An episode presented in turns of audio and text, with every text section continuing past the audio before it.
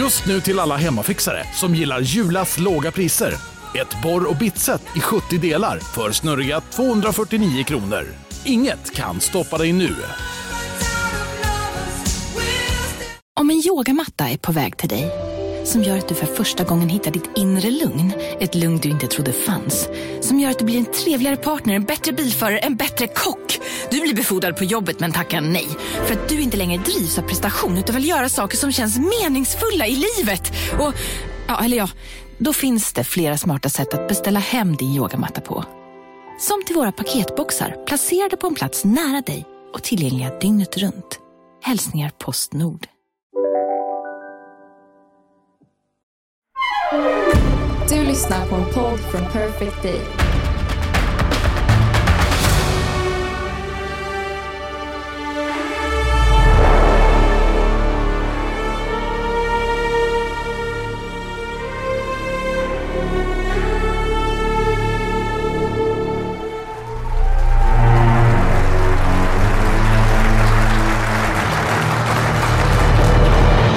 And now enough for 218.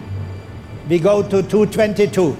May I ask again uh, the uh, public notary of Zurich to give me the envelope? Thank you. Shall I recall the candidates? Australia, Japan, Korea, Qatar, United States of America. The winner to organize the 222 FIFA World Cup is Qatar.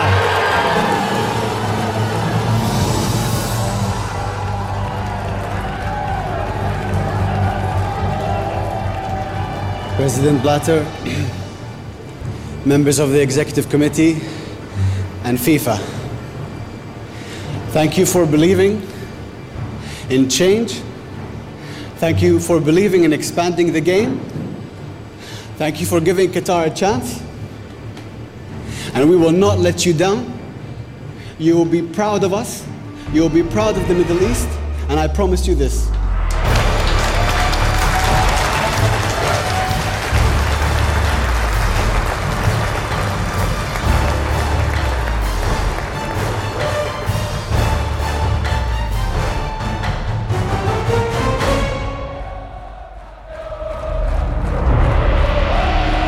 Att det är pengarna som styr världen vet de flesta av oss och att det är pengarna som styr Fifa vet ännu fler.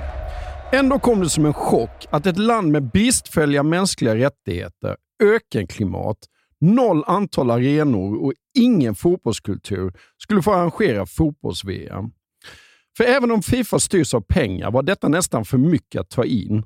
Visst, de styrs av pengar, men kan de verkligen styras så mycket av pengar? Gapande stod ju och tittade på. Till och med de mest giriga borde väl förstå olämpligheten och att det skulle väcka misstankar. Eller gjorde de inte det? Nej, det var den 2 december 2010 och det var dagen då vi trodde oss nå men egentligen hela fotbollens brytpunkt, eller i alla fall Fifas brytpunkt. Och det var en snöig dag, snöig decemberdag i Zürich. Sån där dag då det var mörkt ute tidigt, trots att eftermiddagen knappt ens hade hunnit börja. Och det var två stycken kuvert förseglade med rött lack som anlände med kurir från Fifas högkvarter till mässhallen där i Zürich. Och i mässhallen så väntade ju världens medier. Och de föregående timmarna hade det då varit slutna omröstningar i Fifas exekutiva kommitté kring var herrarnas VM skulle arrangeras 2018 och 2022. Och nu gick Fifa-presidenten Sepp Blatter upp på scenen med VM-bucklan bredvid sig och han ställde sig där och pratade om Fifa, om hur institutionen han företrädde minsann representerade miljarder människor världen över. Och när Sepp Blatter till sist var färdig med sina longörer och sitt orerande, ja, då var det dags att sprätta upp dessa två vita kuvert med sina röda laxsigill. Och när det skedde så vet ni ju att det i det första kuvertet på den första lappen stod Ryssland. Ryssland skulle arrangera VM 2018. De hade besegrat bud från främst Spanien, Portugal och England. Och världen såg annorlunda ut år 2010 än den gör idag. Men visst 17 var det ändå uppenbart för alla som tittade på att redan här fanns det ju frågor att ställa och problematik att förhålla sig till. Ryssland som VM-arrangör. Oj, det här skulle förändra saker och ting runt fotbollens relation med sin omvärld. Men sen gick det ju ytterligare några få minuter och sen var det dags att sprätta upp det andra av de här två kuverten. Och när Sepp Blatter gjorde det, ja, då var det som att allt runt Ryssland bara spolades undan. För då infann ju sig den här chocken som du refererade till i introduktionen. För på det andra kuvertet så stod det ju Qatar. Qatar. Qatar som hade besegrat huvudkonkurrenter från USA och Australien och som hade gjort det med eftertryck. Australien hade fått en enda röst i den första rundan och på så sätt tvingats inse att de var utslagna redan före bud som hade uppfattats som dödsdömda. Japan, Sydkorea. Ja, men vadå, ni arrangerade just ett VM. Mm. Tror ni att ni ska få göra det igen? Nej, det var det egentligen ingen som trodde, men till och med de fick fler röster än Australien. Så det var USA som var den stora utmanaren till Qatar. Och det var USA som de allra flesta hade utgått ifrån skulle tilldelas VM. Men i den sista avgörande röstningsrundan så visade det sig att USA bara hade fått åtta röster och Qatar hade fått 14. Och ifall man inte hade följt internpolitiken runt Fifa, ja då var ju detta både ofattbart och obegripligt. Alltså, vad var det som hade hänt här? För det fanns ju absolut inget hållbart och giltigt argument för Qatar. Och du nämnde ju det där, ingen fotbollstradition, inga arenor, ingen infrastruktur, ingen idrottstörstande befolkning och ett eget representationslag som låg på 113 plats på Fifas egen världsranking. Och ifall man just använder Fifas egna statuter och bedömningar som måttstock så blev det inte lätt lättare att förstå, utan det blev bara ännu mer ogreppbart. För Fifa har ju numera en väldigt omfattande kravlista som en VM-arrangör förväntas svara upp mot. Qatar svarade egentligen inte upp mot någon av punkterna på den där kravlistan. Och Fifa har ju även sin egen utvärderingskommitté som åker runt i världen och besöker alla potentiella arrangörer och utvärderar deras kandidaturer. Och det hade ju blivit allmänt känt att av Fifas egen utvärderingskommitté så hade ju Qatars bud fått den klart lägsta rankingpoängen av alla. Och anledningarna var ju både många och övertydliga. Det är liksom bara att fortsätta rabbla. Ja, 50 grader varmt i landet när VM alltid har spelats. Ja, säkerhetsstudier som gjorde gällande att risken för terrorattentat var överlägset högst i Qatar jämfört med någon av de andra berörda nationerna.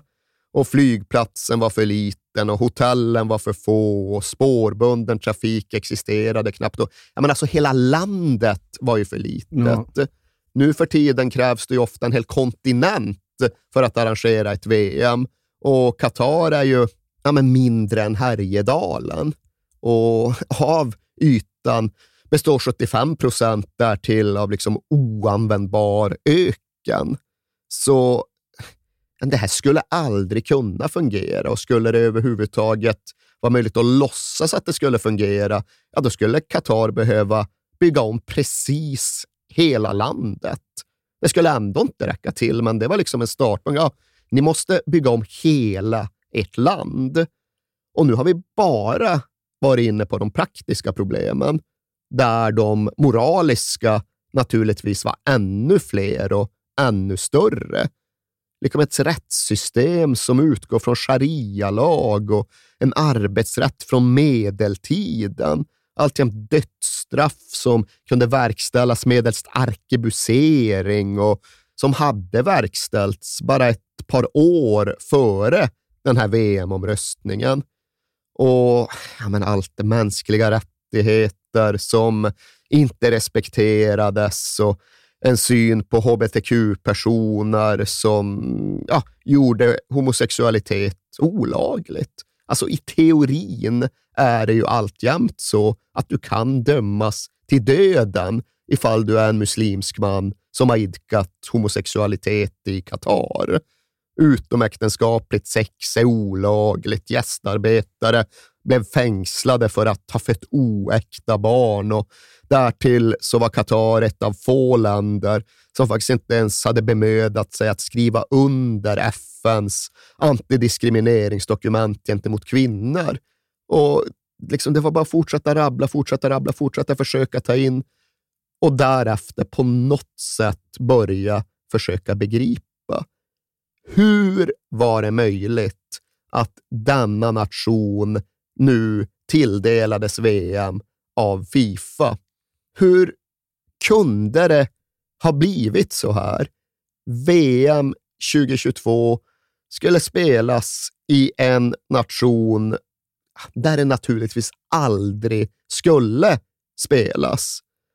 Och Vi tror ju på att sammanhangssätta, vi tror på att kontextualisera, vi tror på att berätta och vi tror att på att försöka begripliggöra. Och det är ju det vi ska ägna de närmaste timmarna åt här i When We Were Kings. Och ni känner oss, ni har lyssnat på oss förr.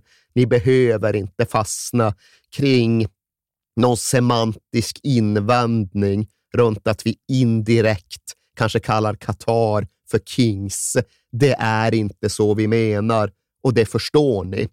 Men när vi nu befinner oss en bit in på fotbollsåret 2022 och alla slöjor har skingrats, ja, men då ser vi det trots allt som näst intill historiskt nödvändigt att som fotbollspodcast med samhälleliga anspråk ändå försöka besvara grundfrågan hur hamnade vi här? Och för att göra det så har vi ju då att göra med två institutioner som vi behöver lära känna ännu lite närmare, behöver gå igenom från grunden. Och det är ju då dels emiratet Qatar och dels den internationella fotbollsfederationen Fifa.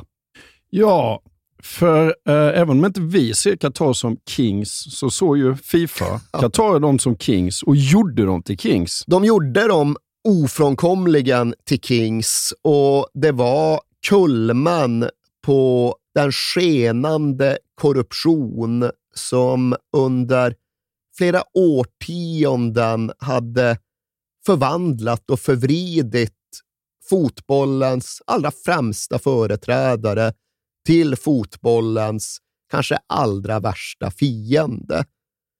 För det var så det hade blivit, men det var såklart inte där det började. Fifa är ju en väldigt mångårig organisation som snart ska fylla 120. Och där kan vi ju passa på att inleda vår lilla historiska redogörelse med en kontrollfråga. Ja. Sju grundarnationer har Fifa. Ja. Vilka är de? Ja du, Sverige med. Snyggt! Danmark är med. Det har du koll på. Ja. Här känns det som att du kommer rätt in i Ja, branten. eh, sen blir det lite svårare. Jag, för att jag, jag har sett det här tidigare. Jag noterade att England inte var med. Nej, de hade ju sin egen syn på sin egen betydelse. Ja, för att de FA bildades ju typ 20 år tidigare. Ja, de tyckte väl för alltid att de skulle ha någon form av ensamrätt på beslutsfattandet. Ja, sen eh, är jag i och för sig lite mer osäker på, på vilka som är med vidare. Kan Tyskland varit med? Absolut. Ja, då har jag tre och sju. Eh, kan mer ha varit med? Kan Brasilien ha varit med? Nej, det är Nej. notabelt att de inte var med. Nej. Italien? Nej. Nej, då, då blir det bara killgissningar. här. Kan Österrike ha varit med? Nej. Nej. Nej, men då får du dra dem. Ja, nej, men du är ju och tassar i rätt del av världen och har egentligen bara lite otur att eh, dina sänka skeppsskott träffar precis bredvid jagarna. Ja. Det du hade precis lika gärna kunnat säga Frankrike eller Spanien Ja. istället för Italien och då hade du haft två rätt. Du hade kunnat säga Schweiz istället för Österrike och då hade du haft ett Ja. till. Och där var faktiskt Belgien med. Ja. Men Brasilien, som ju var en på ett sätt rätt rimlig gissning, var överhuvudtaget inte i närheten. Och här finns det ett konstaterande att göra kring att fotbollens världsordning under väldigt lång tid på ett självklart sätt utgick från Västeuropa. Det var här makten fanns, det var här besluten fattades och även om det kanske spelades bättre fotboll i andra delar av världen så representerades inte det i beslutsfattandet. Och det var i sig ett problem att det fanns en eftersläpning där och det skulle komma att innebära en rekyl. Jag är ändå lite stolt att Sverige är med redan från början, 1904. Ja, jag vet inte riktigt vilket värde jag ska sätta på det, men något värde finns väl Ja, där. fan, en av de sju grundarna. Ja, ja. Ja, till denna glansfyllda, ärorika fotbollsinstitution. Ja, precis. Ja, det är klart att man ska sätta stolthet i det. Ja. Men ifall vi tillåter oss att snabbspola fram sig sådär trekvarts århundrade så är vi framme i mitten på 1970-talet. Och då blir den första utomeuropeiska mannen till sist Fifa-president. Och det är då Joao Avelange från Brasilien. Och för den som brydde sig om att titta lite närmare var ju inte han någon okomplicerad företrädare med något fläckfritt förflutet. Men han var ändå någonting annat än de här västeuropeiska pampgubbarna och han gjorde såklart ett nummer av att han skulle bli den växande fotbollsvärldens företrädare. Fotboll var inte längre bara en liten europeisk syssla, utan det var världens största sport. Och det skulle nu börja avspegla sig i maktkorridorerna. Och det ska man verkligen ha klart för sig att när Joao Avalanche blir Fifa-president 1974, då är Fifa alltjämt en rätt liten organisation. Kolla på det dåvarande huvudkontoret så tror jag de var åtta anställda där. Och medlemsstaterna var någonstans runt hundrastrecket. Alltså det är många medlemsnationer, men det är ju fortfarande inte i närheten av att vara globalt heltäckande. Nej. Men detta såg Avalanche till att göra Fifa, för när han lämnade sin post drygt 20 år efter att han hade tillträtt, ja då ingick fler än 200 nationer i den så omhuldade Fifa-familjen. Medlemsantalet hade alltså mer än fördubblats och på samma sätt hade VM-turneringen fördubblats i storlek sett till deltagare. Det hade gått från 16 till 32 deltagarnationer. Men ifall du tittade på hela evenemanget, hela spektaklet, hela den kommersiella besten, ja då hade inte storleken på VM fördubblats, utan då hade storleken på VM 40-dubblats, ja. 100-dubblats. Beroende på lite vilken mätmetod du använde så gick det att hävda att storleken på VM hade 500-dubblats.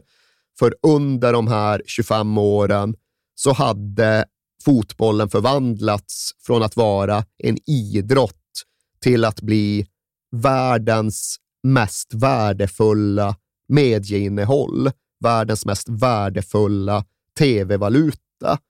Och här hade Avalanche och Fifa absolut varit helt central. De hade varit där och drivit på och arbetat i nära samråd med Horst Dassler. Ni vet, en av de här tyskarna Adidas, som grundade ja. Adidas, men som hoppade av från Adidas och istället blev en pionjär inom det här med att kommersialisera och exploatera fotbollen som tv-sport. Och på den tiden då jag fortfarande föreläste, det gör jag inte längre, för jag tror, jag tror inte på den formen. Jag tycker det är rätt rutten kommunikation, att det bara är en gubbe framme på en scen som mässar i två timmar. Och Det kan tyckas som att skillnaden mellan det och det vi gör här är hårfin. Tänkte precis säga det, Men, men den, är, den är viktig, ja. den är relevant. Ja. Din betydelse i sammanhanget kan inte underskattas. Nej. Men på den tiden, då jag fortfarande föreläste och just skulle försöka förklara min syn på vad fotboll egentligen var för samhällsfenomen, då brukade jag exemplifiera med en siffra som jag hade snubblat över någonstans. Och Den siffran gjorde gällande att sommaren 2006 så såg ungefär 5% av jordens totala befolkning på VM-finalen mellan Italien och Frankrike. Och Då måste man alltid liksom ge det någon sekund och låta den där siffran sjunka in. 5% av jordens totala befolkning. Ja, okej, okay. ja, men visst, det låter ju som mycket, men, ja, men ärligt talat, så hög verkar inte andelen vara.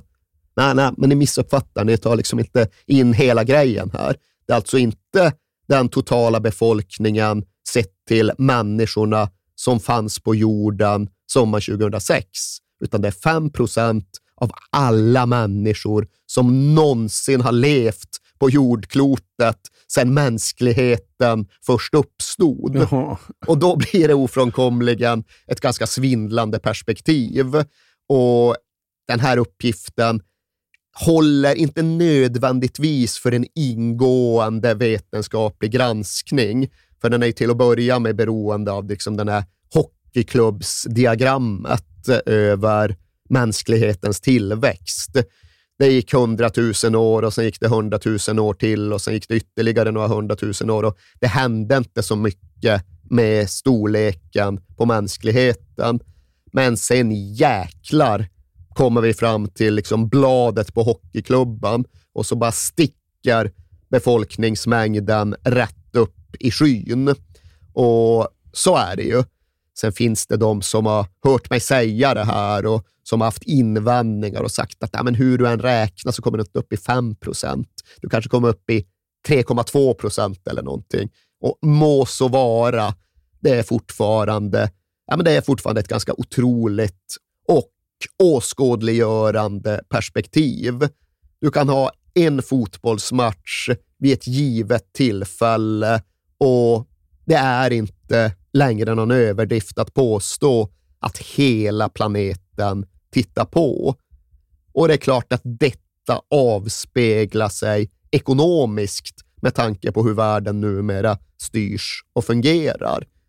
Och när vi nu är en bit in på 2000-talet, ja då är den grova uppskattningen att Fifa tros dra in lite drygt 50 miljarder kronor på en VM-cykel. Och Det inbegriper då allt från tv-avtal till sponsringsavtal till faktiska matchbiljetter till turneringen. men här är det snarast lite lågt och lite konservativt räknat. Det kan nog vara 100 miljarder kronor också, men ni hör själva att det är rätt mycket pengar Ja. som snurrar. Och detta har ju kommit att innebära att en ny verklighet har krockat med gamla strukturer, med ett Fifa som helt enkelt inte har uppdaterat sig i takt med sin sport. För ja, exempelvis så skulle nog en statsvetare ha ganska stora invändningar mot Fifas generella röstningssystem. Och detta trots att grundprincipen instinktivt kan tyckas ganska sympatisk och ganska demokratisk. För precis som det var från första början så är det alltjämt så att varje Fifa-medlem har en röst vid exempelvis presidentval och varje röst ges samma tyngd. Och det låter väl vid första åhörandet som en jätterimlig princip. Det tycker inte jag. Ja, du tycker det låter... Jag tycker det låter helt jävla orimligt. Ja, nej, det, är alltså, det är ju där man hamnar ifall Ja. man bara tänker ett och ett halvt steg längre. För Brasilien har då en Fifa-röst. Tyskland har en röst. England har en röst. Och det har då Turks och Caicosöarna också. Ja. Deras röst väger precis lika tungt som Italiens gör. Ja. Och därtill finns det ju också någon form av kontinental skevhet i och med att federationerna ofta väljer att blockrösta. Och det kan då åskådliggöras med att den sydamerikanska konfederationen har tio medlemmar. Ja. Det finns ju något märkligt här att vissa av de här småstaterna uppe i nordöstra Sydamerika inte räknas till CONMEBOL, utan de räknas ju istället till CONCACAF, Ja. alltså Nord-, Mellanamerika och Karibien. Och den konfederationen har 35 medlemsstater. Så Turks och Caicosöarna har på många sätt större tyngd. Rösten från deras del av världen väger tyngre än vad Brasiliens och Argentinas gör. Och det är klart att detta medför skevheter. Men då har vi ju inte kommit fram till det som länge var det absolut största problemet och det som möjliggjorde exempelvis VM i Qatar. Och det är den exek exekutiva kommittén, va? The Exco, Ja. exakt. För Fifas exekutiva kommitté var då bland mycket annat organet som beslutade var herrarnas VM-turnering skulle arrangeras. Och i en annan tid så var väl inte det så värst mycket att haka upp sig på. Liksom, ska O-ringen gå i Anderstorp eller Bräkne-Hoby eller Moheda? Alltså det kanske inte var så viktigt inom svensk orientering på 1980-talet. Nej. För då var det ju frågan om att bestämma var en idrottstävling skulle hållas. Men ett fotbolls-VM för herrar på 2000-talet, det är ju inte en idrottstävling som ska arrangeras, utan det är ju många miljarder kronor som ska fördelas och framför allt enormt stora och starka geopolitiska intressen som ska vägas mot varandra. Och när det är beslutsfattande på den nivån vi har att göra med, ja då blir det ett extremt stort problem att makten ligger hos denna exekutiva kommitté som till en början då enbart utgörs av 23 män plus en president och in till vilken det helt saknas insyn. Ja. För det här är ju då en liten grupp män som i praktiken kontrollerar flödet av hundratals miljarder kronor. Men som ändå inte behövde möta någon som helst ansvarsutkrävning. För röstningarna som fördelade VM-turneringarna, ja, de var ju slutna. Ja. Och det var ingen som eh, var skyldig att redovisa hur de hade röstat. Och de hade väl ingen skyldighet att motivera Nej, nej. varför? Så var det var bara så här, ja men vi har röstat på det här landet. Ja, varför då? Ja, det Nej, men inte ens så. det, ja. Liksom, vilka har du röstat på? Ja, det tänker inte jag säga. Nej. Ja, men hur tänkte du? Ja, det tänker jag inte heller berätta. Nej. Aha. Så det går inte att göra något? Nej, ingenting. Nej. Och det är klart att tydligare grogrund för korruption är väl svårt att föreställa sig. Ja. Det är klart som satan att dessa maktgubbar får sina huvuden förvridna om de inte redan har varit det utifrån alla möjligheter och all makt som de besitter. Och in på 2000-talet så hade ju de här realiteterna klarnat för ja, men alla inblandade, alla berörda, alla som faktiskt ingick i den här Fifa-snurran och alla som var beroende av den, ja, de hade ju förstått att okej, det är på de här premisserna som saker och ting sker. Det är så här spelreglerna ser ut. Och då får vi lov att förhålla oss till det i väntan på att spelreglerna någon gång framöver uppdateras. Men det skedde ju aldrig, den där nödvändiga uppdateringen av spelreglerna, utan det var bara fritt fram att slå sex varje gång och gå frivarv efter frivarv. Och i praktiken så betydde det då att de här 23 medlemmarna i Fifas exekutiva kommitté, ja, de kom att resa runt i världen som någon sorts korsning mellan kunglighet kungligheter, statschefer och oligarker. Liksom världen var öppen för dem. Presidenterna där ute och regeringscheferna världen över, ja, de ville inget hellre än att få tillgång till dessa män och att smörja deras krås och kyssa deras fötter. För de visste att det de kunde få i utbyte skulle kunna vara värt så oerhört mycket för en regim med byktvättarambitioner. Så de här fotbollsfunktionärerna i Fifas exekutiva kommitté, ja, men de reste runt i världen och liksom träffade Nelson Mandela ena Queen dagen. Elizabeth. Ja, Queen liksom Elizabeth, ja. påven, Ja. Vladimir Putin, liksom allt från de smutsigaste till de renaste av helgon. Alla behövde tjänster från dessa Fifa-funktionärer och de kunde bygga upp sina egna staber, sina egna hov. De omgav sig med hundratals fixare, trixare, småhandlare och storhajar.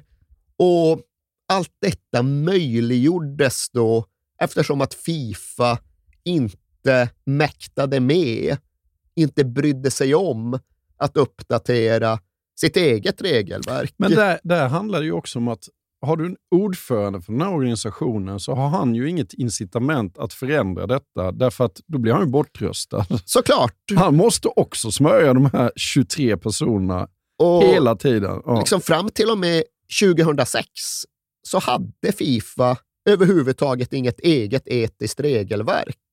Så vad de här personerna än gjorde i den exekutiva kommittén var det liksom ingen som kunde säga att men nu gör du fel i relation till ditt uppdrag.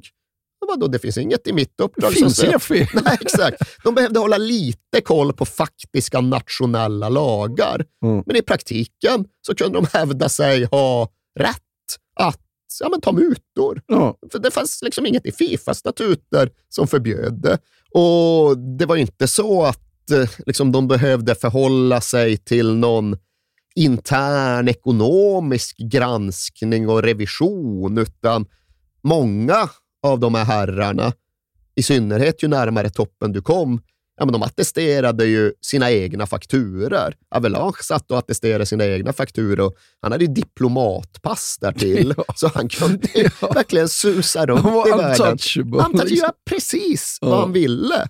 Och för att ytterligare förstärka den situationen så var då Fifa under schweizisk lagstiftning registrerat som men, någon sorts förening eller organisation snarare än företag.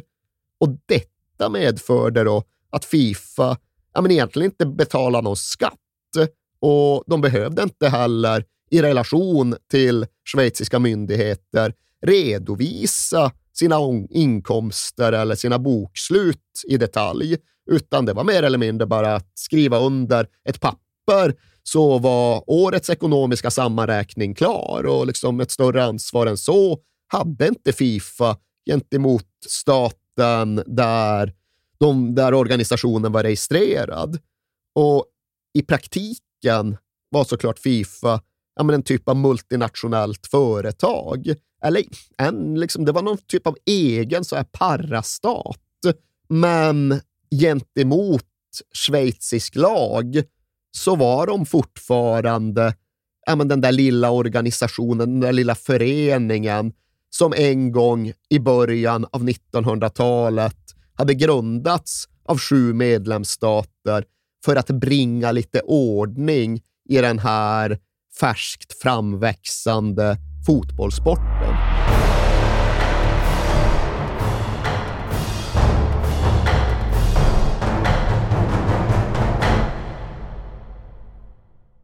Jag vill inleda med att säga att det är garanterad jackpot på 13 miljoner på Stryktipset. Och fy fasen. Ja, visst. Skulle du behöva 13 miljoner eller? Ja, det skulle jag verkligen. Men vi måste säga först att vi är ju sponsrade av Stryktipset. Ett spel från Svenska Spel, Sport och Casino för dig över 18 år. Yes, och stödlinjen.se finns där för dig om du har problem med ditt spelande. Nej, men 13 miljoner ja. jackpot på Stryktipset, det är ju inte fel. Nej, då är det faktiskt dags att ladda en rejäl rad här känns det mm -hmm. som. Vet du vad som inte heller är fel?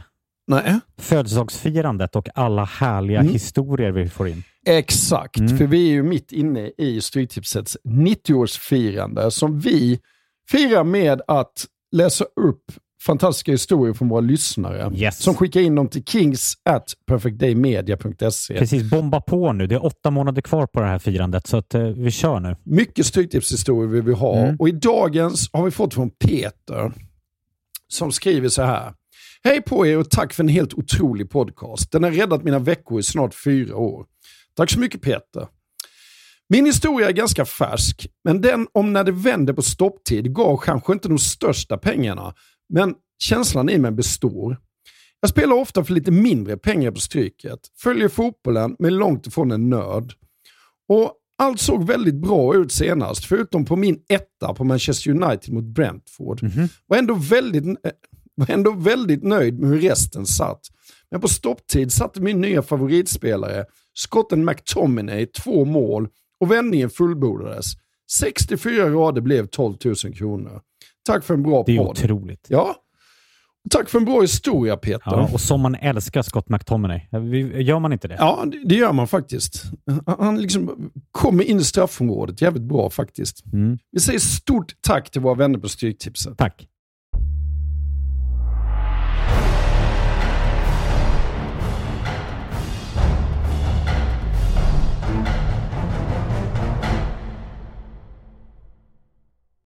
Men om vi hoppar fram till mitten på 90-talet så tar Sheikh Hamad över alltså styret av landet. Ja, ifall vi tillåter oss att vara så snabb när vi avancerar fram genom historien, så går vi från självständigheten 1971 över förstatligandet av oljenäringen 1974 fram till mitten av 1990-talet. Under de tiden så har ju pengarna rullat in. Ju. Absolut, ja. men just i samband med nästa genomgripande förändring som vi behöver känna till så får vi även lov att introducera en av historiens huvudkaraktärer och det är då Sheikh Hamad bin Khalifa Al Thani som i början av 1990-talet var tronarvingen.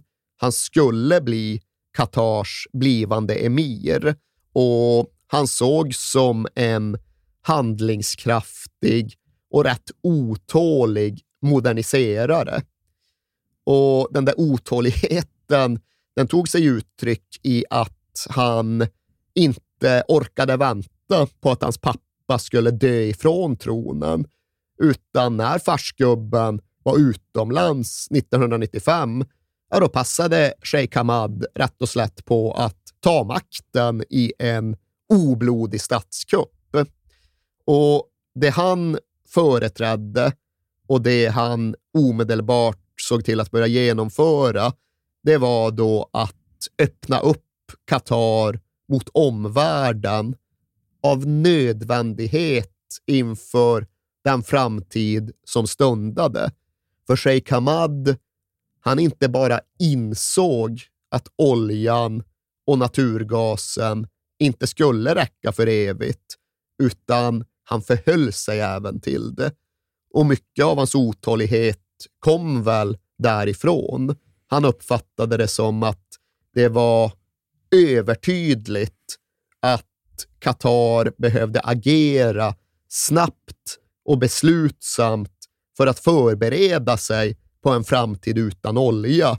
Och han tyckte att hans farsa och de andra hade varit alldeles för trögfattade och trögrörliga i relation till detta. Och Hamad han var ju utbildad i Storbritannien också. Sandhurst faktiskt, militärakademin, ett av världens finaste. Ja, och där hade han väl fått militärstrategisk kunskap, ja. men han hade också fått en insikt i fotbollens kraft och i fotbollens betydelse. Men vi ska ju nu inte sitta och påstå att det var där han började, utan han ville ju positionera den katariska nationen för framtiden genom att diversifiera landet.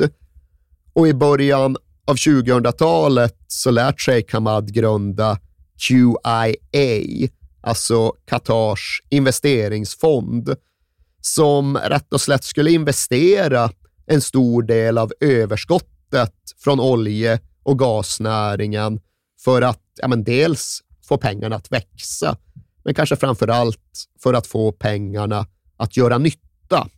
Och den övergripande nyttan skulle då vara att placera Qatar i världen, att ge Qatar en global status. Och pengarna talade. Idag så kan du överhuvudtaget inte titta lite närmare på västvärlden utan att hitta QIA och Qatar här. Alltså de är överallt.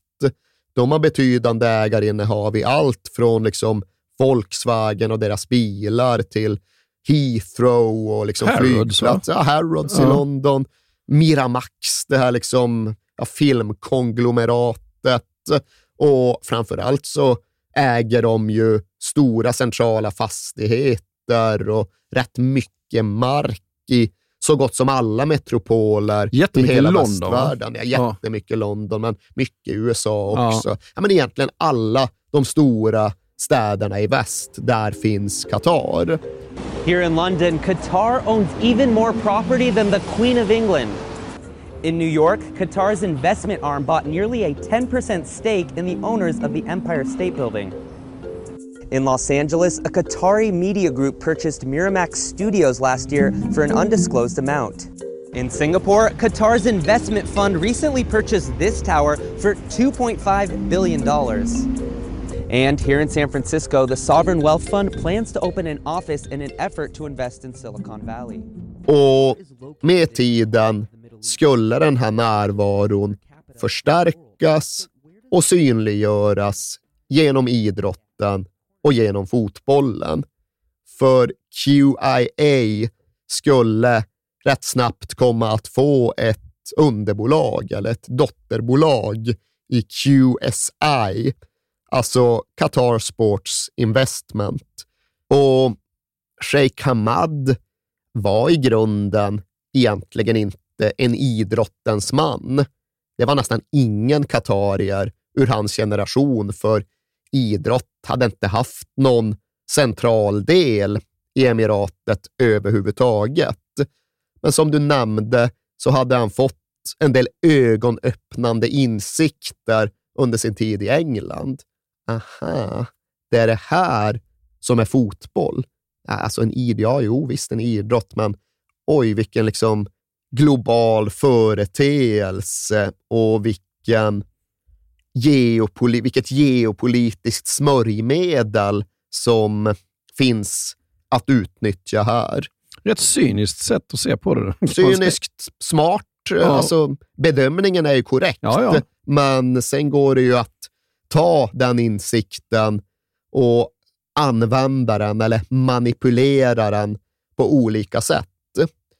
Och ja, Vi ska väl ändå nämna att Sheikh Hamad kommer att bli Arsenal-supporter. ja, det har egentligen ingen betydelse. Nej, men såklart de gör det. men vi passar ändå på att ja. nämna det. Likt Osama bin Laden, en annan herre nere från arabiska halvön som fick liknande erfarenheter, upplevelser och insikter som Sheikh Hamad, men ja, som använder dem på ytterligare ett annat sätt. Ja. Sheikh Hamad, han ville ju knyta idrotten till sig. Han ville just använda och utnyttja den. Han tog ett beslut på att Doha skulle bli 2000-talets internationella idrottshuvudstad, men han hade väl själv inte riktigt men vare sig tiden eller förmågan att verkställa detta, utan han behövde hitta underhuggare som kunde hjälpa honom att förverkliga visionen. Men de har bestämt sig för att marknadsföra landet för framtiden och för det så måste de bygga något så in i bomben va? Ja, alltså redan här är ju precis det helt uppenbart att okay, det ska satsas på turism, det ska satsas på kultur, det ska satsas på idrott. Okej, okay, det behöver byggas hotell och det behöver byggas museer och det behöver byggas idrottsarenor. För egentligen inget av detta finns i Qatar i början av 2000-talet i någon högre utsträckning. Och ja, men naturligtvis ska det byggas något så inåt helvete så måste det finnas någon som bygger. Och det finns väldigt få. Det finns nästintill inga katarier som tänker sig att bygga. För de är ju till att börja med få till antalet. Det finns ungefär 300 000 katarier, vilket alltså innebär att det finns klart färre katarier än det finns exempelvis malmöiter. Ja. Och därtill alltså är det ju en alldeles för liten beskrivning att påstå att katarierna generellt är födda med silversked i mun. De är födda med betydligt mer än någon enstaka silversked i munnen. Jag tycker det låter bra. 0 inkomstskatt. Ja, nej, de är ju födda med garanterad, inte livstidsförsörjning, utan livstidsrikedom.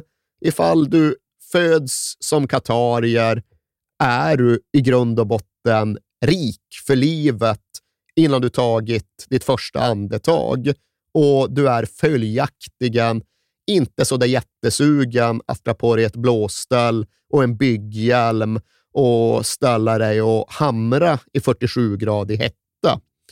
Och det är ju då detta som har givit Qatar sin säregna demografi. För det finns då 300 000 katarier som ja, men lever väldigt gott. Men i landet befinner sig samtidigt även, beroende på vem som räknar, sådär en och en halv miljon gästarbetare. Ja. Och det är alltså fem gånger så många som de med katariskt medborgarskap. Det är den högsta andelen gästarbetare i världen och de utgör 94 procent av arbetsstyrkan. För ja, många katarier jobbar ju överhuvudtaget inte alls. Nej. Och De kommer då företrädesvis från Sydostasien, från Bangladesh, Pakistan, Indien, Nepal, Filippinerna. Och så här har det ju varit under lång tid, men det accelererade och accentuerades i samband med att Qatar då började bygga för framtiden, bygga för sin vision 2030. Och det var såklart även en situation som uppmärksammades internationellt redan i början av 2000-talet. För det var inte nog med att Qatars demografi såg ovanlig ut, att gästarbetarna gjorde allt jobb, utan det var såklart deras villkor som drog världens ögon till sig. För Qatar utgick, likt flera andra länder på den arabiska halvön, utifrån det här kafala-systemet. Och det är alltså ja, men den värsta följden av en arbetsrätt som helt enkelt inte existerar. Det var inte nog med att villkoren var usla för gästarbetarna på ja, men egentligen alla tänkbara sätt, utan i slutändan var de till och med förhindrade att lämna landet, att återvända hem, ifall de inte hade sin arbetsgivares skriftliga tillåtelse. Och Det var en situation som många skrupellösa arbetsgivare använde sig av. Ifall det uppstod någon tvist, ja, då kunde ju arbetsgivaren rätt och slätt bara hota med att eh, nyttja det här kaffala-systemet och säga att ja, men okej, ifall du sätter dig upp mot mig, ifall du ställer till problem för mig, då får du helt enkelt inte lämna landet. Nej. Det kan jag se till. För de beslagtar passen, va? Ja, det är ju liksom en praktisk konsekvens av hela systemet. Men just det här med att det fanns skrivet i katarisk lag att arbetsgivaren hade rätten, möjligheten att förvägra en anställd att lämna landet. Det visste vi redan i början av 2000-talet och det medförde ju också tidiga skriverier och rapporter om ja, men en slavstat ja. som byggde på tvångsarbete i ett enda enormt öppet fängelse. Det är såklart hårda tolkningar av situationen i Qatar, men det var inte osanna ord, utan med tanke på hur den katariska staten var uppbyggd och hur deras lagar var skrivna, så var det på många sätt befogat och berättigat att uttrycka sig på det sättet redan i början av 2000-talet. Och då hade de riktigt storskaliga byggprojekten knappt ens påbörjats ännu.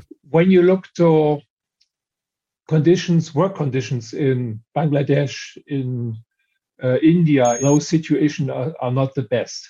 People are really looking for work. People, young people are uh, looking for adventures as well. So this is a pretty good ground to make contracts which are not really fair or really decent.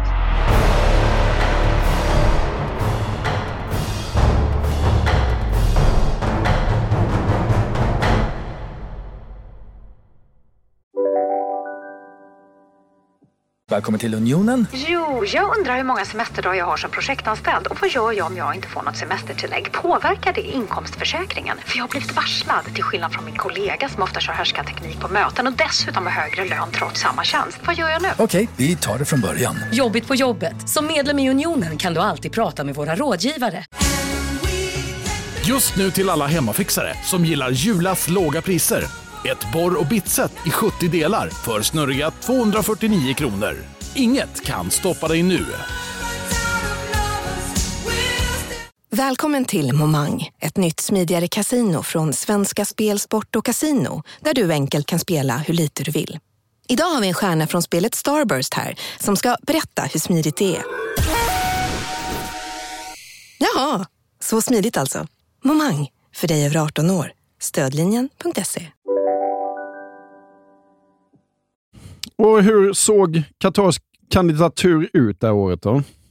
Ja, nej, men det är ju på många sätt, jag höll på att säga the million dollar question, men million dollar är ett alldeles för lågt pengavärde på den här frågan. Ja, hur såg Qatars kandidatur egentligen ut? Vad gömde sig bakom det som syntes och visades upp? Och detta har ju i efterhand granskats och undersökts från väldigt många olika håll med väldigt ingående noggrannhet. Och vid sidan av de officiella rapporterna finns det ju böcker skrivna om hela den här processen och hela den här kandidaturen. finns bland annat den som heter The Ugly Game med underrubriken The Qatari Plot to Buy the World Cup. Ja. Och Den baseras då på hur en visselblåsare inom Fifa ska ha vänt sig till Sunday Times grävande redaktion med en stor datorläcka och massor av hemliga dokument. Och Jag har ju såklart läst den där boken och blir om inte annat ganska häpen inför omfattningen på den här visselblåsarens läcka.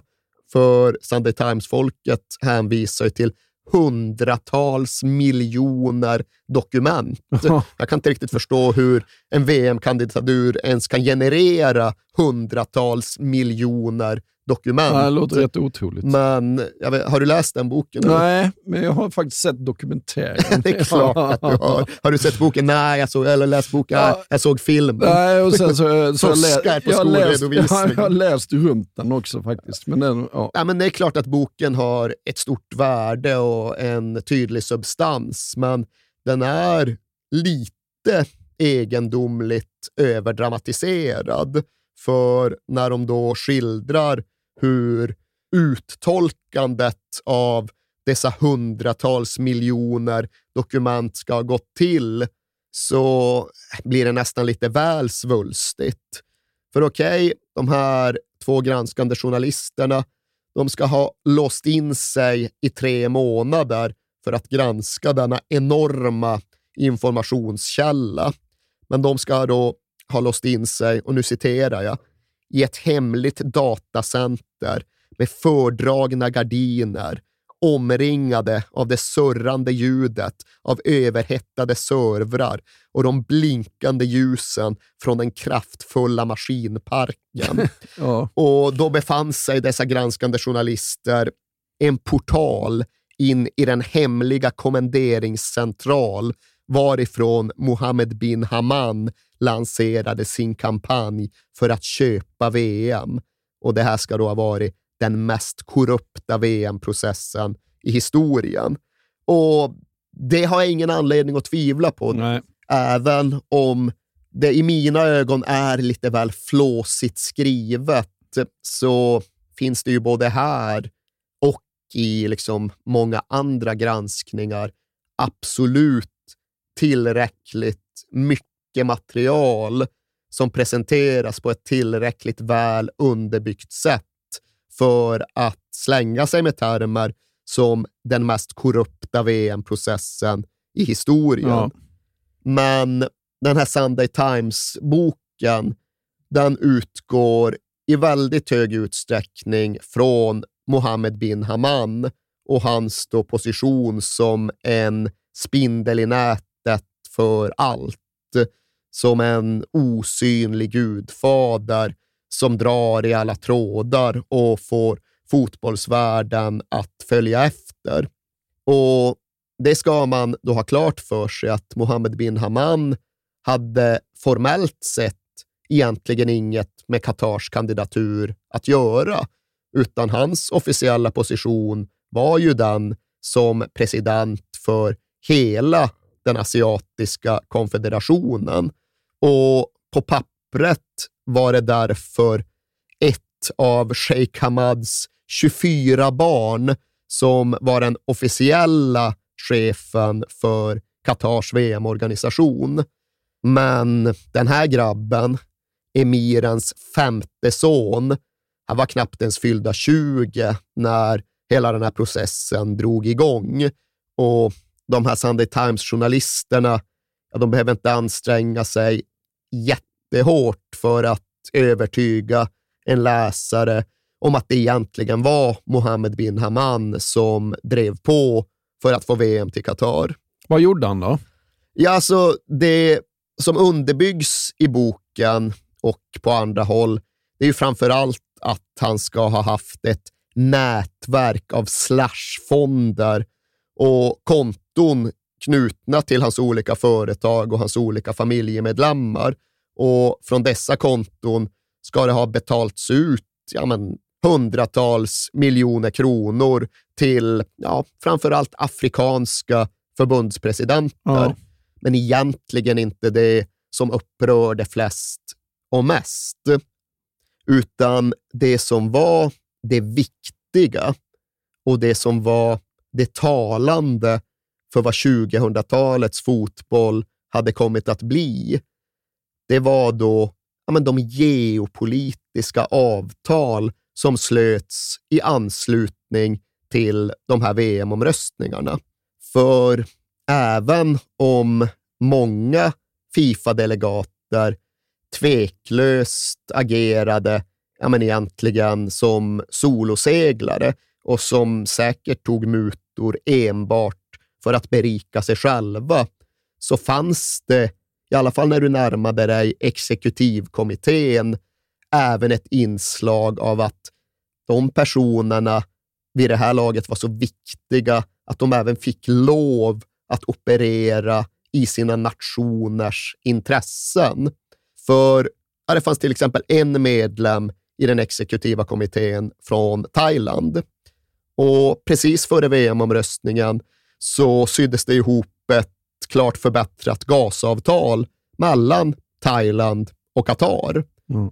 Och det var värst att det skedde precis just där och då, men den thailändska delegaten kom ju sedan att rösta för Qatar. Ja. Och precis i anslutning till den här VM-omröstningen, ja, då började det även byggas en katariskt koordinerad gaspipeline genom Paraguay och vidare till Uruguay och Bolivia. Och den innebar en, ett av de största handelsavtalen i Paraguays historia. Ja. Och ja, ni får väl lägga er egna pussel och det här är väl indicier snarare än bevis. Men det är klart att det är lite ögonfallande att Qatar plötsligt börjar aktivera sig i Paraguays handel på ett tidigare okänt sätt alldeles in på den här VM-omröstningen. Och det är ju för jäkla besynnerligt att den paraguayanska medlemmen av Fifas exekutiva kommitté samtidigt tycker att det verkar vara en förträfflig idé att VM ska arrangeras i Qatar. No. Och ja, kanske mest betydelsefullt av allt så förstärktes då de bilaterala relationerna mellan Ryssland och Qatar på ett väldigt påtagligt sätt under månaderna som ledde fram mot VM-omröstningen. Det var möten och det var samtal och det var statsbesök och det mynnade ut i en överenskommelse om att gemensamt utvinna naturgas på Samojedhalvön i nordvästra Sibirien. Och det är i hög utsträckning den gas som fortfarande exporteras från Ryssland till Europa i Nord Stream 1 förbi Gotland. Oh. Och Det var då ett avtal som syddes ihop av Igor Setchin, alltså oligarkernas oligark ja. före Roman Abramovich. Och, ja, men relationerna mellan Qatar och Ryssland intensifierades på ett påtagligt sätt under hösten 2010. Sheikh Hamad åkte till Moskva för officiellt statsbesök hos Putin och samtidigt så hade Mohammed bin Hammam sitt eget Kremlbesök och han hade också separata diskussioner om bilaterala relationer inom idrott med Vladimir Putin. Och Qatar och Ryssland bytte definitivt röster med varandra när det sedan var dags att fördela fotbollsmästerskapen.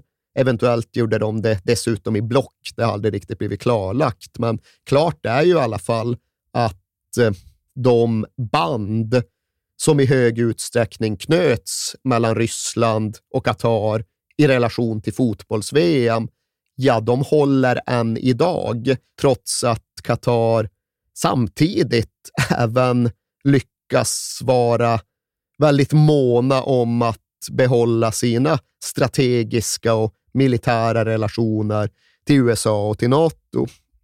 Och med historiens facit, ja då var väl det här samarbetet, det här, de här överenskommelserna mellan Qatar och Ryssland det mest signifikanta som skedde runt VM-omröstningen hösten 2010. Men där och då fanns det väl annat som vi uppfattade som ännu mer ögonfallande. Och då syftar jag ju framför allt på den här omtvistade lunchen som hölls i det franska Élysée-palatset en dryg vecka före VM-omröstningen.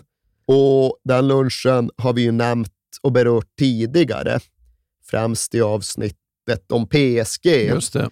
För den mynnade ju bland annat ut i att Qatar, att QSI helt enkelt köpte PSG.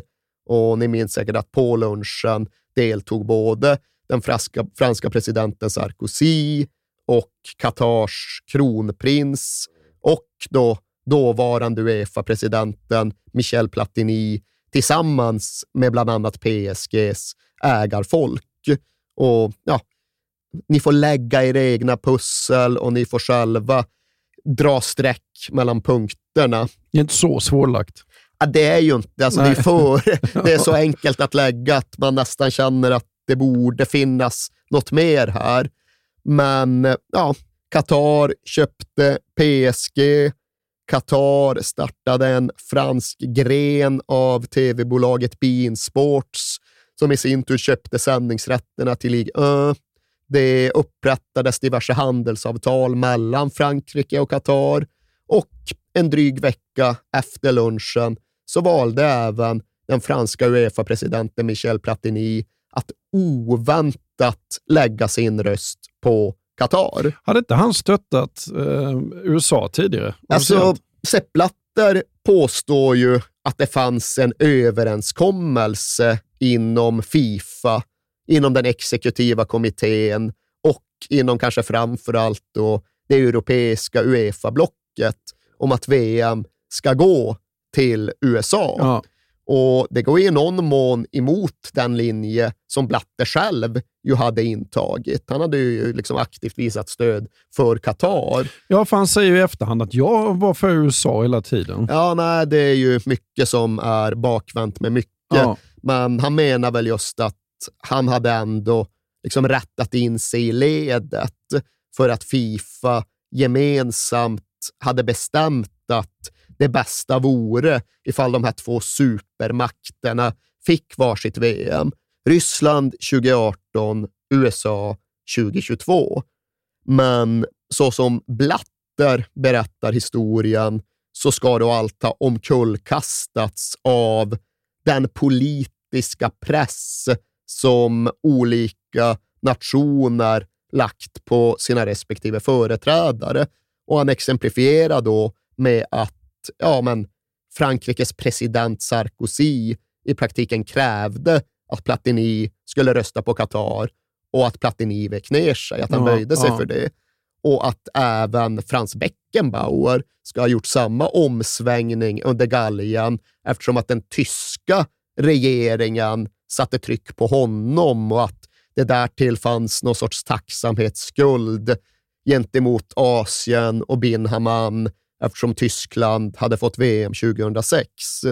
Men hur vi än ser på saken och hur mycket eller lite konspiratoriska vi än väljer att vara, så är det ju faktiskt helt omöjligt att bestrida att när det väl var dags för slutomröstning runt de här VM-turneringarna i Zürich, ja, då var det ju inte en omröstning som på något sätt styrdes och dikterades av hänsyn till fotbollens bästa.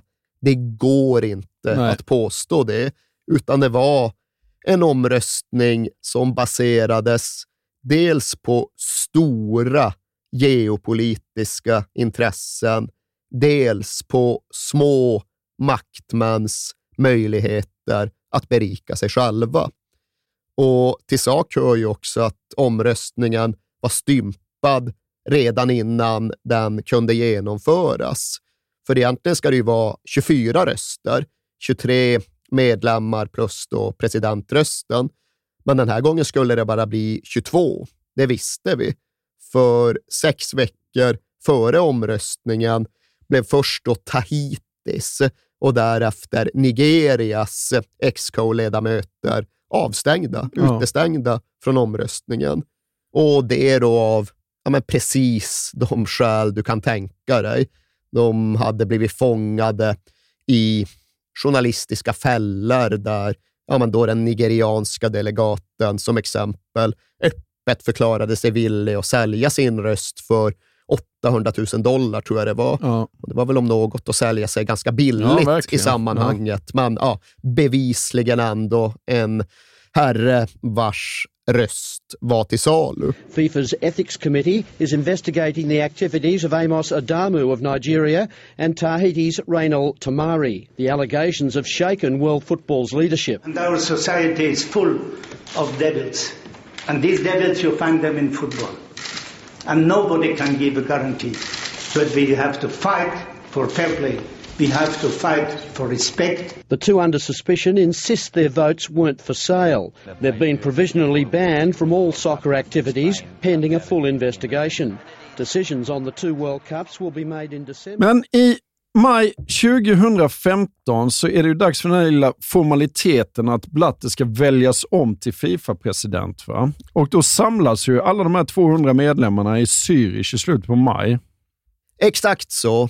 Nu är de alla i stort sett på plats på samma ställe samtidigt. Och det är ju av den anledningen som FBI beordrar tillslag just den här dagen. Men sen är det väl inte negativt för dem att det även blir medialt väldigt tacksamt. Det blir rätt stor uppståndelse när sju medlemmar av Fifas exekutivkommitté grips på hotell Bor och Lack vid Zürichsjön och leds ut därifrån bakom vita hotellakan inför världspressens smattrande kameror. Det är liksom ett dramatiskt, spektakulärt, medialt tillslag som görs. Jag var inne och kollade här nu bara av intresse. Det billigaste rummet kostar 11 000 kronor natten. Eh, Det är inget bed and breakfast. Nej, De har det- tagit in på de här kongressledamöterna. De levde inga bed and breakfast-liv. De gjorde inte det.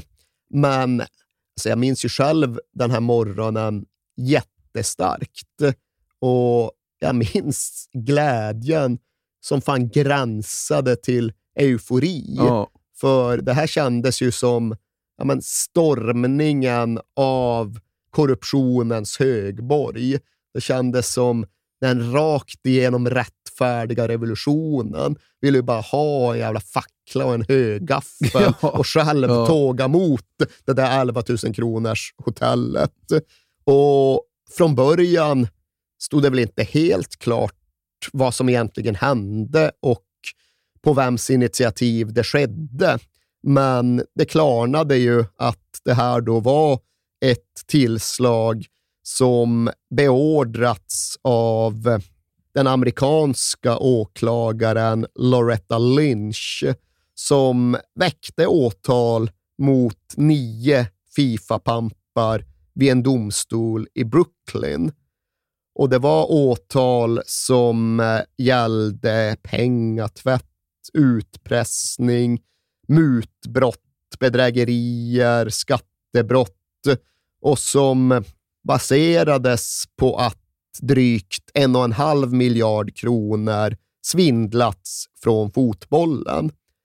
Och Det här var ju då ett tillslag och ett åtal som byggde på Chuck Blazers information och vittnesuppgifter. Och Det innebar ju att de gripna, ja men egentligen allihop, kom från den amerikanska kontinenten. Mm. Det var ju ledamöter från Concacaf och Conmebol. Det var folk som alla hade gjort affärer i USA. Och här var det rättvisan som kom ikapp dem. Och samtidigt hade Chuck Blazer fångats in av sin egen hälsa. Det här var då ja, men, hans tillslag, hur han nu än kände för det. Men när det väl skedde så var han knappt medveten om det, för det visade sig att han hade blivit sjuk i tjocktarmscancer, så vid gripandet låg han på ett sjukhus och andades genom respirator, svävandes någonstans mellan liv och död. Men nu var bollen i rullning. Nu var Fifa i rämning och det här första Loretta Lynch-åtalet från Brooklyn följdes av ett andra ett halvår senare. Och i och med det så var nu tolv av den exekutiva kommitténs medlemmar åtalade och det innebar i sig liksom en majoritet av delegaterna som suttit där. Och till det kunde vi även lägga en parallell utredning som schweiziska myndigheter bedrev. För de gjorde sin egen razzia på Fifas högkvarter och de sjösatte sin egen utredning om mutbrott, det som kallades Operation Darwin. Och det är då i den utredningen som både Sepp Blatter och Michel Platini faktiskt fastnar. Och där fanns visserligen inga bevis för att Sepp Blatter faktiskt tagit mutor, men det var alldeles uppenbart att han i alla fall inte hade förhindrat det. Nej. Och hade Michel Platini tagit mutor, han hade fått en ospesad utbetalning på drygt 20 miljoner kronor från den delen av Fifa-finanserna som egentligen var direkt knuten till Sepp Blatter. Och det blev väl aldrig bevisat och belagt, men där var väl åklagartesen att det var en typ av trade-off för att Platini inte skulle utmana Blatter i något presidentval som skulle följa. Och varken Blatter eller Platini fälldes ju för något brott i någon domstol. Det kan vi ändå kosta på oss att poängtera. Men deras skuld var ändå så tydlig att inte ens Fifas egen etikkommitté, den ganska nytillstiftade etikkommittén, kunde blunda, utan den stängde ju av både Blatter och Platini från all fotbollsrelaterad aktivitet och verksamhet i åtta års tid. Och liksom magnituden går inte att underskatta. Det är alltså Fifas president och Uefas president. I grund och botten fotbollens två allra främsta företrädare som här ändå blir utslängda från sin egen sport för att de förgripit sig på den snarare än att tjäna den. Och vi kan inte riktigt säga att all rök har lagt sig ens idag, men när åtalspunkterna sammanställdes och räknades ihop så kunde vi i alla fall konstatera att av 22 personer som deltog i de här ja, men förbannade jävla VM-omröstningarna 2010 så är det 15 stycken som antingen då har ställts inför åtal i en rättssal eller som kastats ut från fotbollssporten av Fifa självt. Och ja, vad blir det? Det är nästan tre fjärdedelar. Ja, det är så jävla sorgligt.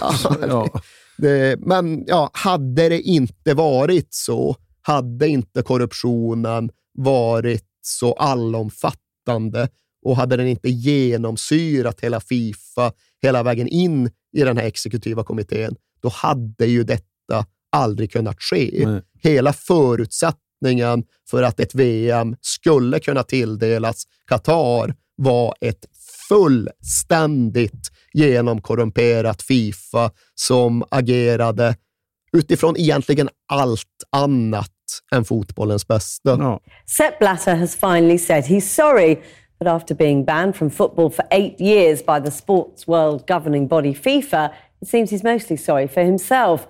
In a combative press conference in Zurich following the announcement of the ban by FIFA's ethics committee, Mr. Blatter said he was still president of the organisation and the committee had no right to relieve him of his duties.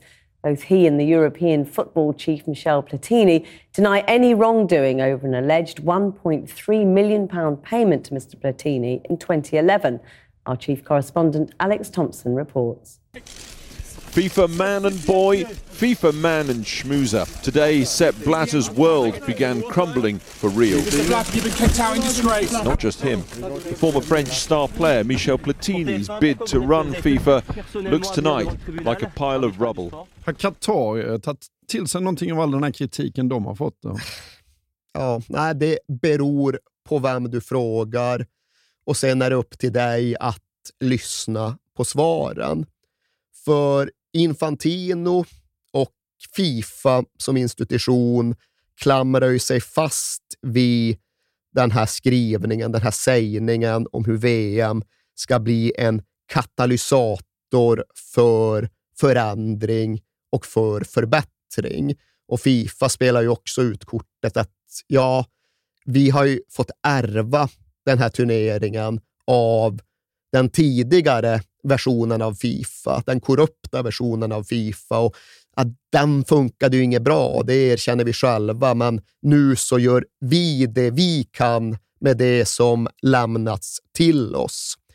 Och okej okay då, jag tillhör ju de som tycker att ska en argumentation och en diskussion vara värd någonting, då ska man faktiskt lyssna på riktigt på den andra sidans goda argument.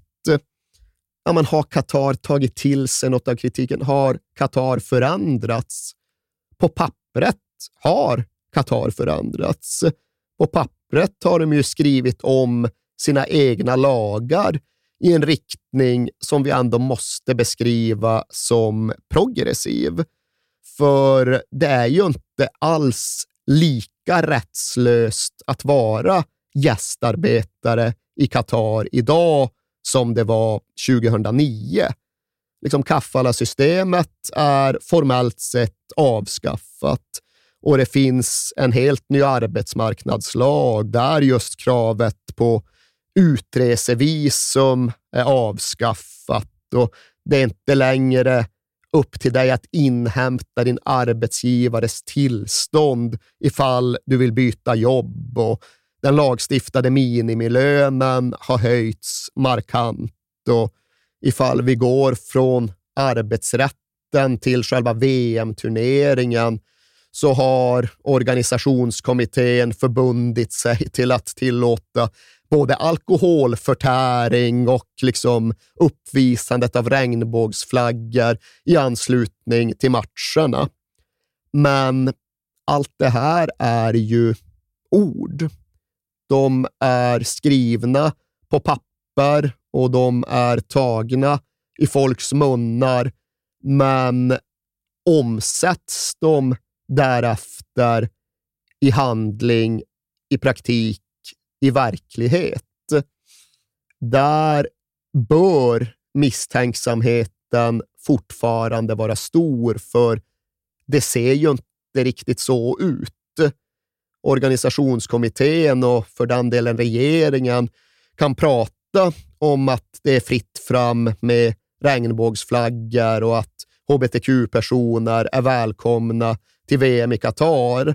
Men hur trovärdigt är det när det samtidigt finns säkerhetstjänstemän som pratar om risken eller möjligheten att konfiskera regnbågsflaggor och hänvisa till de berördas egen säkerhet.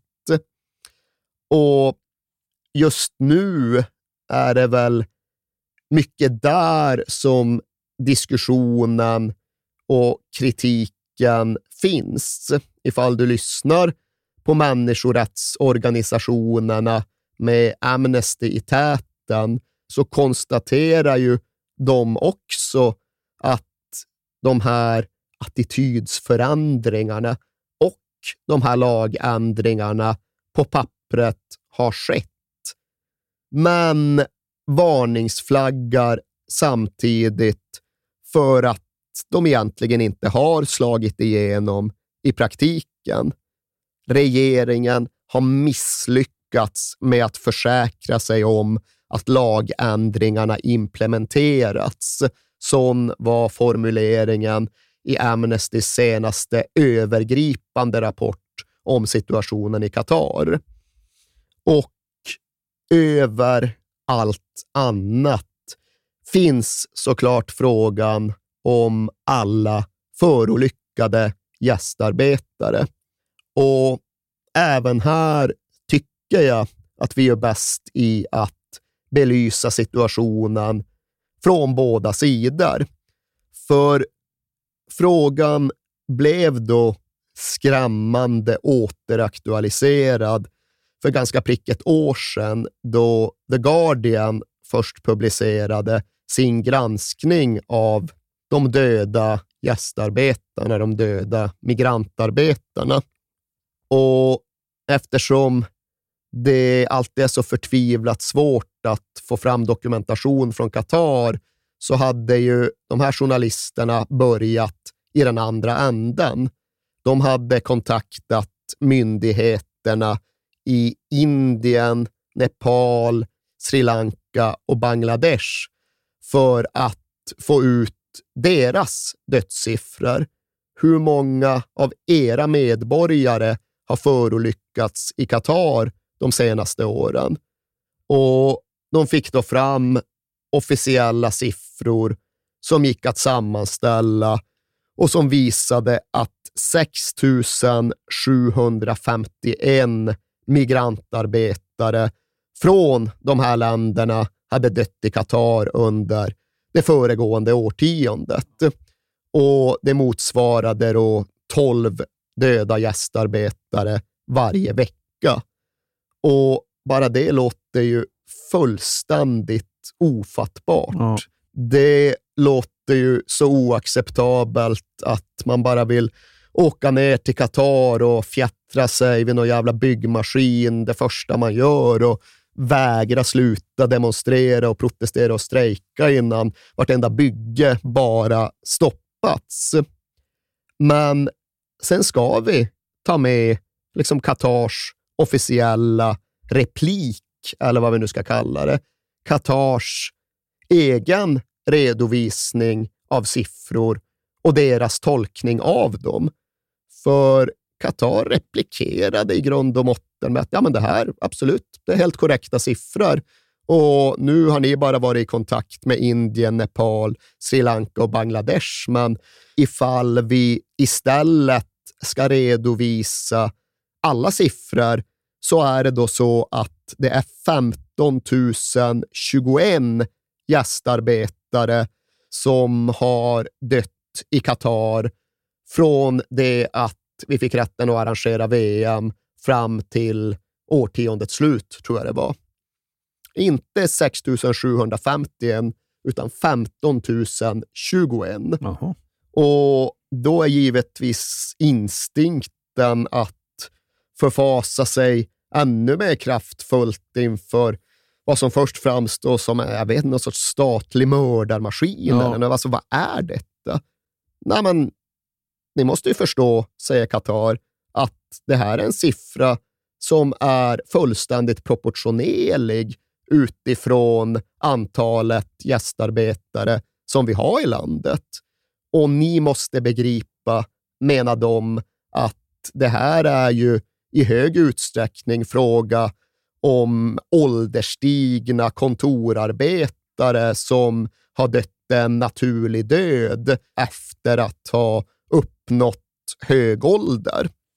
Först då får man väl faktiskt gå med på att ja, men det går att se på siffror på flera olika sätt. Vad är det? Ja, men drygt en och en halv miljon gästarbetare. Det är väl uppemot 2,3 miljoner som bor i landet som enligt passet är icke-katarier. Och det är klart att utgår du ifrån ett par miljoner människor och tittar på den populationen under ett årtionde så kommer ju folk dö. Ja. Så folk dör ju av ålder, Ja. vilken population du än tittar på. Men här återstår såklart en närmare granskning av och ett tydligare uttolkande av siffrorna. Och här blir det ju svårt att fortsätta följa det katariska resonemanget. För de har då 15 021 döda gästarbetare och de hävdar från officiellt håll att så gott som samtliga dessa är naturliga dödsfall. Ja. Det är folk som har dött av för hög ålder eller någon sjukdom eller allmänt sviktande hälsa. Och jaha, ska man då tycka att diskussionen därmed är klar och färdig? Nej, men naturligtvis inte. Och just de som har skaffat sig tillgång till att kolla lite närmare på dödscertifikat och liknande kan ju konstatera att det finns väl ändå en motsättning att väldigt många av de som har gått bort kanske är 37 eller 41 eller 23 år gamla utan tidigare hälsoproblem som nu plötsligt bara har dött knall och fall på mer eller mindre stående fot. Kan det verkligen bara skrivas som naturlig död? Ja. Och sen ska det inte ställas fler frågor kring det. För Qatar själva då, utifrån den senaste officiella statistik som jag såg dem publicera, de hävdar att det är 37 dödsfall som går att relatera till VM-byggena. Arenabyggena. Hur många sa du? 37. 37? 37 Ja. är deras officiella hållning. Och återigen, de tycker såklart, ja detta är ju tråkigt, jättetråkigt. Varje dödsfall är en tragedi, men storskaliga byggprojekt går tyvärr inte att garantera med någon nollvision. Och hur är det i Sverige? Ni kommer från Sverige. Ja, ni har väl 404 arbetsrelaterade dödsfall under samma tidsperiod som vi då har 37 knutna till Ja. VM-turneringen.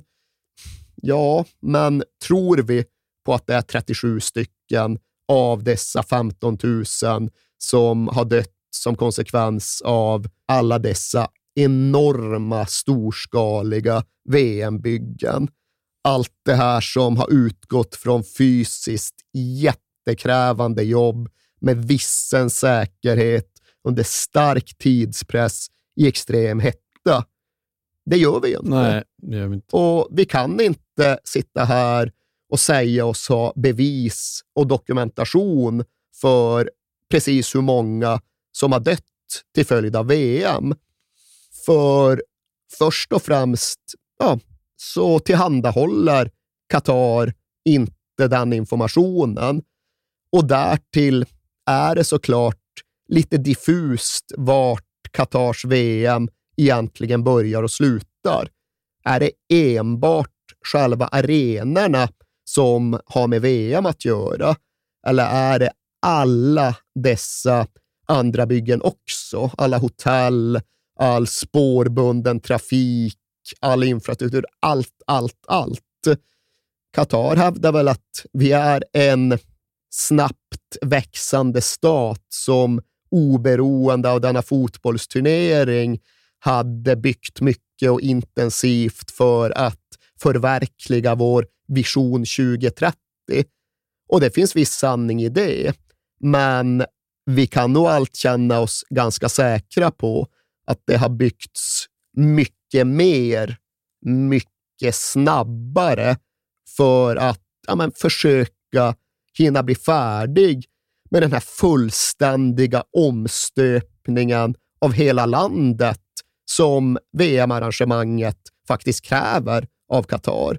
Det är klart att tempot har drivits upp och skenat iväg och att det har inneburit väldigt stora påfrestningar för väldigt många människor.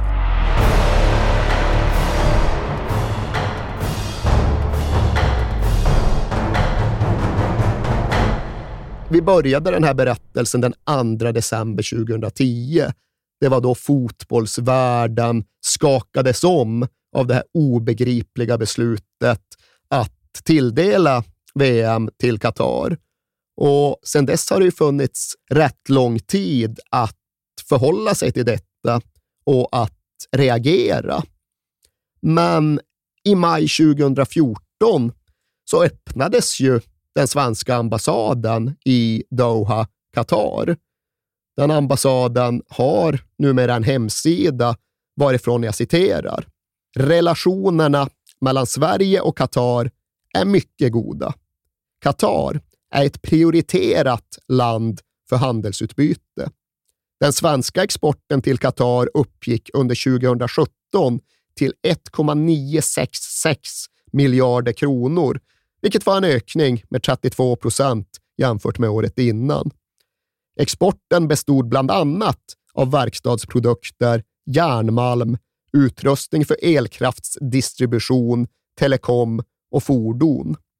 Och här vill jag bara bryta in och påpeka att bland exporterna fanns ju även svenska vapen. Och då ska man veta att Qatar i alla fall varit aktivt krigförande i Jemen. Och stod det 1,966 miljarder kronor. Det var under 2017, så den här hemsidan är rätt dåligt uppdaterad. Men jag kollade och tydligen så var motsvarande exportsiffra för 2021 3,0 miljarder, vilket alltså innebär en ökning på ytterligare 50 procent. Och den där siffran kommer ju inte bli lägre under 2022, för Qatar är då ett prioriterat land för handelsutbyte och relationerna mellan Sverige och Qatar är mycket goda. Och den realiteten kommer ju förbli densamma. Fotbolls-VM eller inte fotbolls-VM. Den här podcasten är producerad av Perfect Day Media.